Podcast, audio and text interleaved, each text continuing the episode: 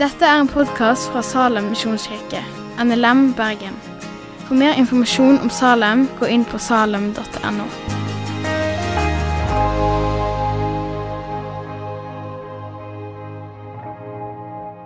I dag så tenkte jeg at eh, vi skulle se litt på en profeti om Jesu komme. Eh, Vi skal lese en tekst som er henta fra Matteus kapittel 1, vers 18 til 25. Der står det Med Jesu Kristi fødsel gikk det slik til. Hans mor Maria var lovet bort til Josef. Men før de var kommet sammen, viste det seg at hun var med barn ved Den hellige ånd. Josef, mannen hennes, som var rettskaffen og ikke ønsket å føre skam over henne, ville da skille seg fra henne i all stillhet.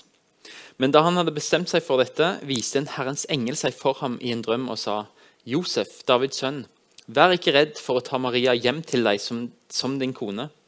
For barnet som er unnfanget i henne, er av Den hellige ånd. Hun skal føde en sønn, og du skal gi ham navnet Jesus, for han skal frelse sitt folk fra deres synder. Alt dette skjedde for at det ordet skulle oppfylles som Herren har talt gjennom profeten. Se, jomfruen skal bli med barn og føde en sønn, og de skal gi ham navnet Immanuel. Det betyr Gud med oss. Da Josef våknet av drømmen, gjorde han som Herrens engel hadde pålagt ham, og tok henne hjem til seg som sin kone. Og levde ikke sammen med henne før hun hadde født sin sønn. Og han ga ham navnet Jesus. Skal vi be en bønn?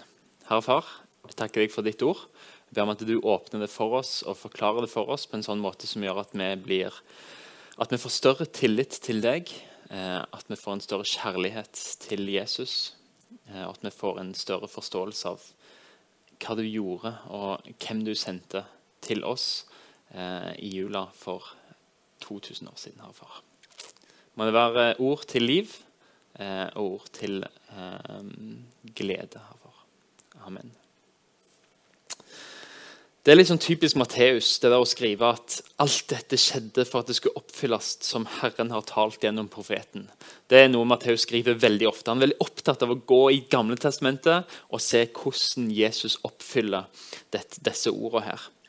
Og i, eh, I vers 23 så tar Matteus en profeti som er henta fra, fra Jeremia, nei, Jesaja i kapittel 7, vers 14. Um, der er der den profetien at en ung kvinne skal bli med barn og føde en sønn og gi ham navnet Immanuel, er henta fra. Og så tenkte jeg ok, men hvis vi forstår Jesaja, hvis vi forstår hvem var det han sa det til, så forstår vi kanskje mer av hvem Jesus er. Så det er tanken jeg har i dag, å prøve å se hva var det med Jesaja i hans bok i kapittel 7. Hvem er det han sier dette til, og hva er det han prøver å vise at Immanuel, dette guttebarnet, skal være? Profeten Jesaja han var profet når kong Ahas var konge i Judas. Israel var et stort rike under kong David under kong Salomo, men etter det ble riket delt i to. De greide ikke helt å bli enige om hvordan, hvem som skulle styre. Så ble det Israel i Nordriket og Juda i Sørriket. Og Israel der var Samaria hovedstad, og i Juda så var det Jerusalem som var hovedstad. Og Jesaja kapittel 7 han kommer inn 200 år etter denne splittelsen. Altså Israel og Juda de har kjempa mot hverandre òg. Det har blitt borgerkrig i Guds folk. Og 200 år inn i den splittelsen så kommer Jesaja på banen. Det som skjer da i verdenskontekst, er at det asyriske riket reiser seg opp som en enorm makt. Enorm verdensmakt. Og De driver med systematisk vold for å greie å ta makt over hele den der som de kaller for den frodige halvmåne, og lenger sørover, og da østsida av middelhavsområdet. Og De små rikene i Palestina-området de er ingen match i det hele tatt for Syria. Så Israel, Nordrike, de slår seg sammen med Syria, naboen sin. Og så tenker de liksom, vi greier ikke stå imot Asyria på egen hånd. Vi må ha med oss Juda òg denne gangen. Og Så kommer de til kong Ahas i Juda, og så vil de ha med seg Juda òg. Men ikke bare vil du være med, du skal være med. Men kong Ahas sier nei, det, det vil jeg ikke. Dere har, dere har angrepet meg før, vi er egentlig fiender. Eh, han står imot de. Og Så sier de ja vel, men da går vi til krig mot deg eh, for å plassere en mer velvillig konge på tronen i Jerusalem som kan være med i koalisjonen vår mot, mot Asyria. Så blir det borgerkrig. Eh, Ahas blir nervøs. Nå kommer Syria og Nordriket Israel for å ta han som er konge i Juda. Og De har tatt han tidligere. Tidligere så har tusenvis av menn drept i kamp mellom Juda og disse to kongerikene. Og Fanger er blitt bortført, men det var bare de eldste i Israel, de som visste at hør her, Juda og Israel er ett land. Og De ba innstendig om vi må kle de, disse slavene inn, vi må sende dem tilbake igjen. Og Det er kun derfor Ahas er konge over et folk nå. Så der står vi. Ahas er redd for at nå er hans tid kommet. Disse naboene, små naboene i nord de kommer til å ta han fordi at de vil tvinge han med på å være med i en kamp mot det her store verdensrike Asyria. Men kong Ahas har egentlig ikke noe å være redd for. Fordi Guds pakt med kong David den kongehuset som Ahas er en del av, den står fremdeles. Gud har sagt jeg vil sørge for at en mann av Davids setter på trona til enhver tid. Det er Guds løfte. Men Ahas tror ikke på det. Han vil mye heller stole på sine egne makter. Sine egne krigstaktikker, sine egne folk som har tapt tidligere. Og Han tyr til egne midler. Han vil, han vil heller kjempe kampen og så er det faktisk sånn at han sender bud til Asyria, det store riket, om å få hjelp. Det er settingen i Jesaja 7. Det er der profetien kommer fra. Budskapet i Jesaja 7 er at Juda har en alliert i Gud sjøl. Og Gud kommer til kong Ahas og sier liksom, 'Jeg vil være med deg. Stol på meg.' Og En invitasjon til å bare stole på Gud men Ahas vil heller stå på egne bein. Og Så kommer Jesaja. Han blir sendt av Gud mens kong Ahas inspiserer vannledningen. Og det er sånn, Når du skal forberede krig, så må du vite at du har vann. Hvis du skal bli beleiret, så må du vite at byen har vann. Hvis det ikke kan du bare gi opp. Så Ahas forbereder seg til krig. Han tenker ikke på Gud. Han er ute og tenker hva må jeg gjøre for å overleve dette? Og Så kommer Jesaja med Guds bud til A og sier jeg vil berge. Og faktisk kan han si Han er lidenskapelig opptatt av å berge Juda og kong Ahas. Han har en brennende iver etter å frelse. Budskapet til Jesaja er ikke vær redd for disse to små kongene her. De er, de er som to røykende veker, de to sigarettstumper. Jeg har til og med satt en dato for når jeg skal dømme dem. Og Gud fikk rett. Det gikk tre år, så var Syria ødelagt. Og ti år seinere var Nordriket Israel utsletta fra den menneskelige historien. Og Gud inviterer Ahas til å hvile i at Gud er her for Juda. Men da må han la Gud få være Gud, og la Gud gripe inn og gjøre det på sin måte. Og Jesaja sier til kongen oss, vil dere ikke tro, så kan dere ikke stå støtt. Det er noe i oss, Bibelen kaller synd, som kun vil se Gud som et sånn blitslys for de gode øyeblikkene i livet. Det er liksom, nå kjenner vi at Gud velsigner oss. Da vil vi ha han med. Da tenker vi at da tror vi. Da, da er Gud med. Men her så viser Gud at til og med i våre kriser så vil han være vår allierte. Han appellerer til kong Ahas, han appellerer til deg og sier 'len deg på meg', så vil du stå'. Ikke se, på, ikke se på omstendighetene rundt deg, bare len deg på meg. Men hvis du ser på meg som irrelevant, hvis du avviser meg, så vil det komme en dag der du blir irrelevant, der du blir avvist. Det er tonen i Jesaja kapittel 20. Det er det budskapet Jesaja kommer til kong Ahas med. Og kanskje til deg òg, hvis du står midt i en krise. Det tar lang tid for oss å få den vanen der vi lever i tillit til Gud, framfor tillit til oss sjøl og, og, våre makt, og våre krefter og våre påfunn. Og så mister vi fokus veldig fort og ofte. Og tillit til Gud det kommer ofte til oss gjennom kriser. At vi erfarer at oi, Gud er den han sier at han er. Han gjør det han sier han skal gjøre. For i kriser tar Gud støttehjulet bort fra oss og lærer oss at du kan stole på meg. Men kong Ahas landa på nei, jeg vil stole på meg sjøl. Og så kunne vi tenkt at ja, da, da, sier Gud ok, greit, de kommer til å knuse deg, snakkes. Vil ikke ha noe mer med deg å gjøre. At han avviser Gud. Men Gud jager etter kong Ahas med sin godhet og sier gjennom Isaiah, spør meg om ett tegn som viser at jeg er med deg. La meg få vise at jeg støtter deg, at jeg bærer deg, at jeg holder mine løfter. Spør om ett tegn på at jeg er med. Og Gud gir kong Ahas en sånn blank sjekk. Bare skriv akkurat hva du trenger. Men kong A sier nei, jeg fikser dette. Han vil ikke stole på Gud. Og Så pynter han på avvisningen med å være tilgjort gudfryktig. Men han vet det at hvis Gud får slippe til, så må Gud ha kontroll over livet. Hvis du ikke ønsker Gud som herre i livet, så kan du finne veldig mange gode grunner til det, og kanskje til og med på en tilgjort gudfryktig måte. Ahas avviser Gud.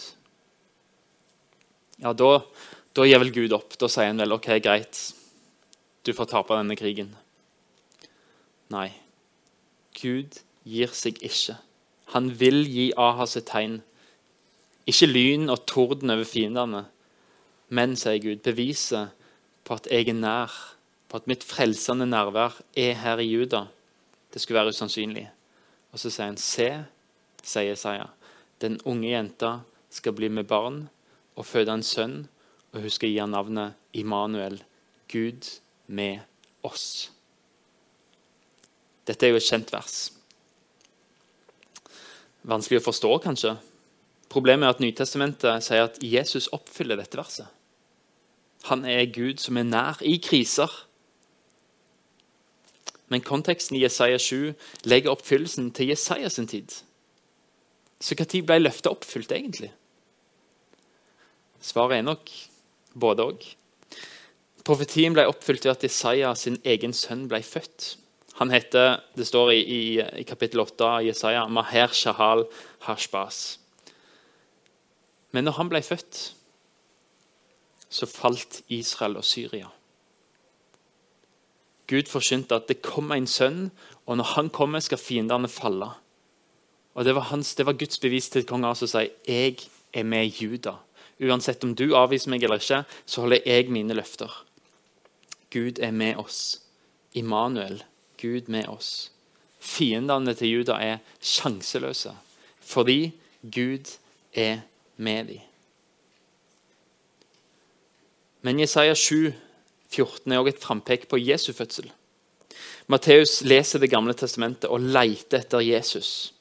Og Så tar, finner Matteus dette løftebarnet, den Immanuel, og så sier han dette er det Gud gjør når Jesus blir født. Vi møter en koalisjon av fiender mot oss. Verre enn Syria, verre enn Israel. Vi møter synd, og vi møter død. De dårlige nyhetene er at du er ingen match for synden. Du er ingen match for døden. De kommer til å plage deg konstant, og du kommer til å bli redd. Men Jesus kommer som Immanuel. Jesus kommer som Gud med deg og vinner seier. Ikke med din makt, ikke med dine midler, men med hans nåde. Selv før vi søker hans, mens vi ennå avviser Jesus, så velger han allikevel å komme og vinne for deg. Paulus skriver i Romerbrevet i kapittel 5, vers 8.: Men Gud viser sin kjærlighet til oss ved at Kristus døde for oss mens vi ennå var syndere. Mens vi ennå var syndere. Så Kong Ahas avviste Jesus. Avviste Gud og Guds nåde. Og kanskje avviser du òg Jesus, men Han jager etter deg med sin godhet. Johannes skriver dette er kjærligheten. Ikke at vi har elsket Gud, men at Han har elsket oss og sendt sin sønn til soning for våre synder. Kanskje er du ikke der at du elsker Gud, men allikevel, i jula så sender Han sin sønn til deg for at Gud skal være med deg gjennom det som du erfarer. Gjennom synd for å berge fra død. Han gjør det i sin brennende iver. Hva skjer med kong Ahas, da? Hva skjer videre med han? Gud holdt sitt løfte. Gud berga dem denne gangen. Men kong Ahas inviterer det store riket asyrerne inn som redningsmenn i stedet for Gud. Han stoler mer på hester og på krigsmenn. Og det kosta han dyrt. Det var som om musa som blir angrepet av to rotter og roper på katten. Ja, katten tok rottene, ja, men musa ble dessert sjøl. Og Judariket det fortsetter likevel å stole på seg sjøl. De ser etter løsninger på sin elendighet på jorda. De ser etter løsninger hos mennesker. Og Det gjør at Jesaja beskriver deres situasjon med nød og trengsel og mørke. De er i mørket. Og så sier Jesaja fremdeles Gud jager etter dere med sin godhet. Det folket som vandrer i mørket, det ser et stort lys. Over de som bor i dødsskyggens land, lys, stråler lyset fram. Og hvordan er dette lyset? Jo, fortsetter Jesaja. Et barn er oss født. En sønn er oss gitt. Herreveldet er lagt på hans skuldre, og han har fått navnet underfull rådgiver, veldig Gud, evig far, fredsfyrste. Så skal herreveldet være stort og freden uten ende over Davids trone og hans kongerike. Han skal gjøre det fast og holde det oppe ved rett og rettferdighet fra nå og for alltid. Herren herskarenes Gud skal gjøre dette i sin brennende iver. Legg merke til hvor kalde og lunkne kong Ahas og Juda er. De vil stole på seg sjøl, men i sin brennende iver så sender Gud et tegn. En gutt. Immanuel. Gud med oss. Han sender lyset. Han sender en rådgiver, en veldig Gud, en evig far, en fredsfyrste til oss. Og Paulus konkluderer med i Kolosserbrevet 1.: For han, han som kommer, har fridd oss ut av mørkets makt og ført oss over i sin elskede sønns rike. I ham er vi kjøpt fri og har fått tilgivelse for syndene. Matteus er veldig tydelig at han prøver å sy sammen denne Immanuel-gutten til Jesaja. Jesajas egen sønn. Som skulle være liksom, Når han kom, så faller fiendene. Og så sier Matteus det er et bilde på Jesus. Jomfruen skal bli med barn, skrev han om Immanuel. Matteus skriver hun skal føde en sønn. Jesaja sier de skal gi ham navnet Immanuel, Matteus sier om Jesus du skal gi ham navnet Jesus. Og Jesaja sier det betyr Gud med oss. Matteus skriver for han skal frelse sitt folk fra deres synder. Tre punkt om Jesus, tre punkt om Immanuel, og Matteus viser at de speiler hverandre. For, Immanuel, det lille barnet i krybba, det er Jesus. Det sier noe om hans oppgave. For navnet Jesus det betyr Herren er frelse. Det er gresk for Jeshua, som også er Josva. Og Josva peker på Jesus, men det er gresk for Herren frelser. Jesus er frelse. Disiplene hørte det, og de lærte det. Og Peter sa for det jødiske rådet, de aller mest fornemme i Israel, det fins ingen annen. Under himmelen er det ikke gitt mennesket noe annet navn som vi kan bli frelst med. Og Det samme gjelder alle mennesker til enhver tid. Det er ingen andre enn Jesus som kan få deg inn i himmelen. Gjennom troen på han så er frelsen din. Det eneste veien til evig liv Jeg har tillit til at Jesu død for deg er nok. Og dette barnet i krybba, Jesus, Herren frelse, det er òg Immanuel.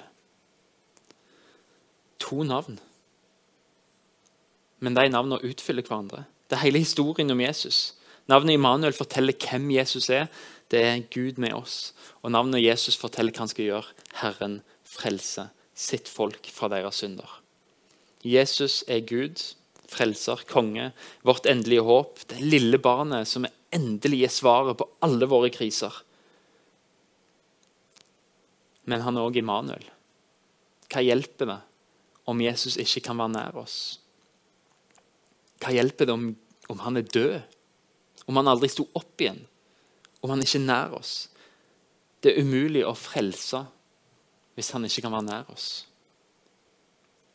Det er umulig å komme inn i et intimt forhold uten å være nær, uten å være sårbar, uten å hjelpe, uten å ta en del av byrden. Det ser vi i ekteskap, det ser vi i menigheter, det ser vi i vennskap.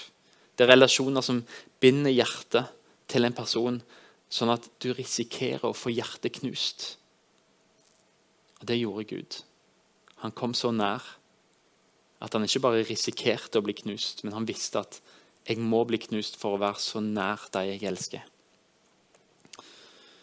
Og han elsker ikke en abstrakt kjærlighet. Han satte seg sjøl i en situasjon der han kunne såres, der han kunne bli tatt, torturert, drept. Og han gjorde det for deg.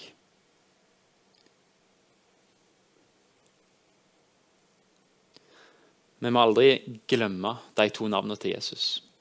Hvem Jesus er, Gud med oss, og hva han gjør. Han frelser.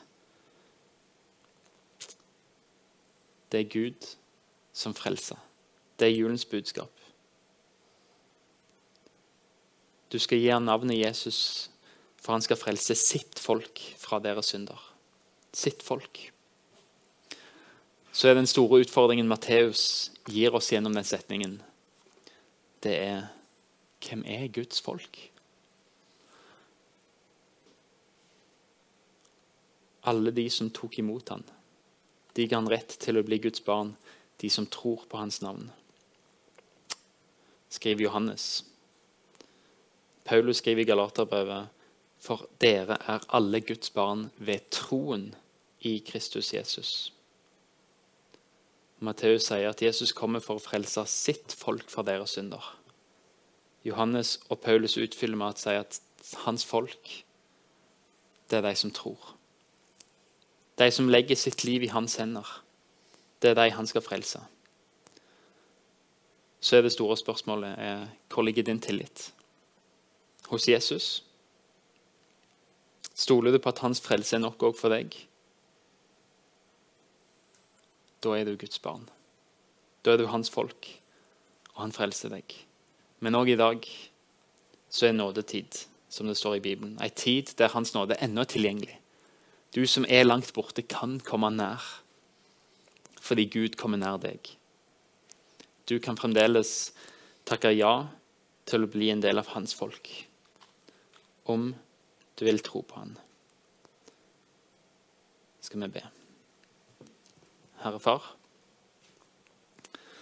jeg takker deg for at du er Gud med oss.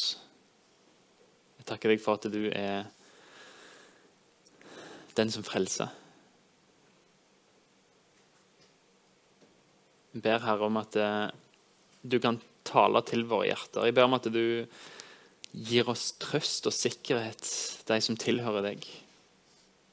La de få erfare å være trygge gjennom alt. Jeg ber Herre om at de som ser på som ikke tilhører deg Helligånd, jeg ber om at du kaller dem og drar i dem. Vis dem at julen ikke handler om at vi tar oss sammen og vi skal greie dette livet vi får bare være gode, kjempe alt vi kan. Men du i ditt ord sier at det er ikke julens budskap, mens julens budskap er at det er mørke. Vi er i mørket. Vi er mørke. Men det fins et håp. For over de som bor i dødsskyggens dal, så stråler lyset frem. For et barn er oss gitt. Et barn er født, en sønn er oss sitt. Takk for at uh, det står at det er gitt der, at vi ikke har fortjent noe. Men Herre, jeg ber om at du taler til oss. Tal til de som ikke hører til deg, og dra i de her, far. La oss få være ditt folk, slik at vi er under din beskyttelse og din nåde og din frelse. I Jesu navn. Amen. Takk for at du har hørt på podkasten fra Salem, Bergen. I Salem vil vi vinne, bevare, utruste og sende til Guds ære. Vi ønsker å se mennesker finne fellesskap, møte Jesus og bli disippelgjort her i Bergen og i resten av verden. Vil du vite mer om oss, gå inn på salem.no.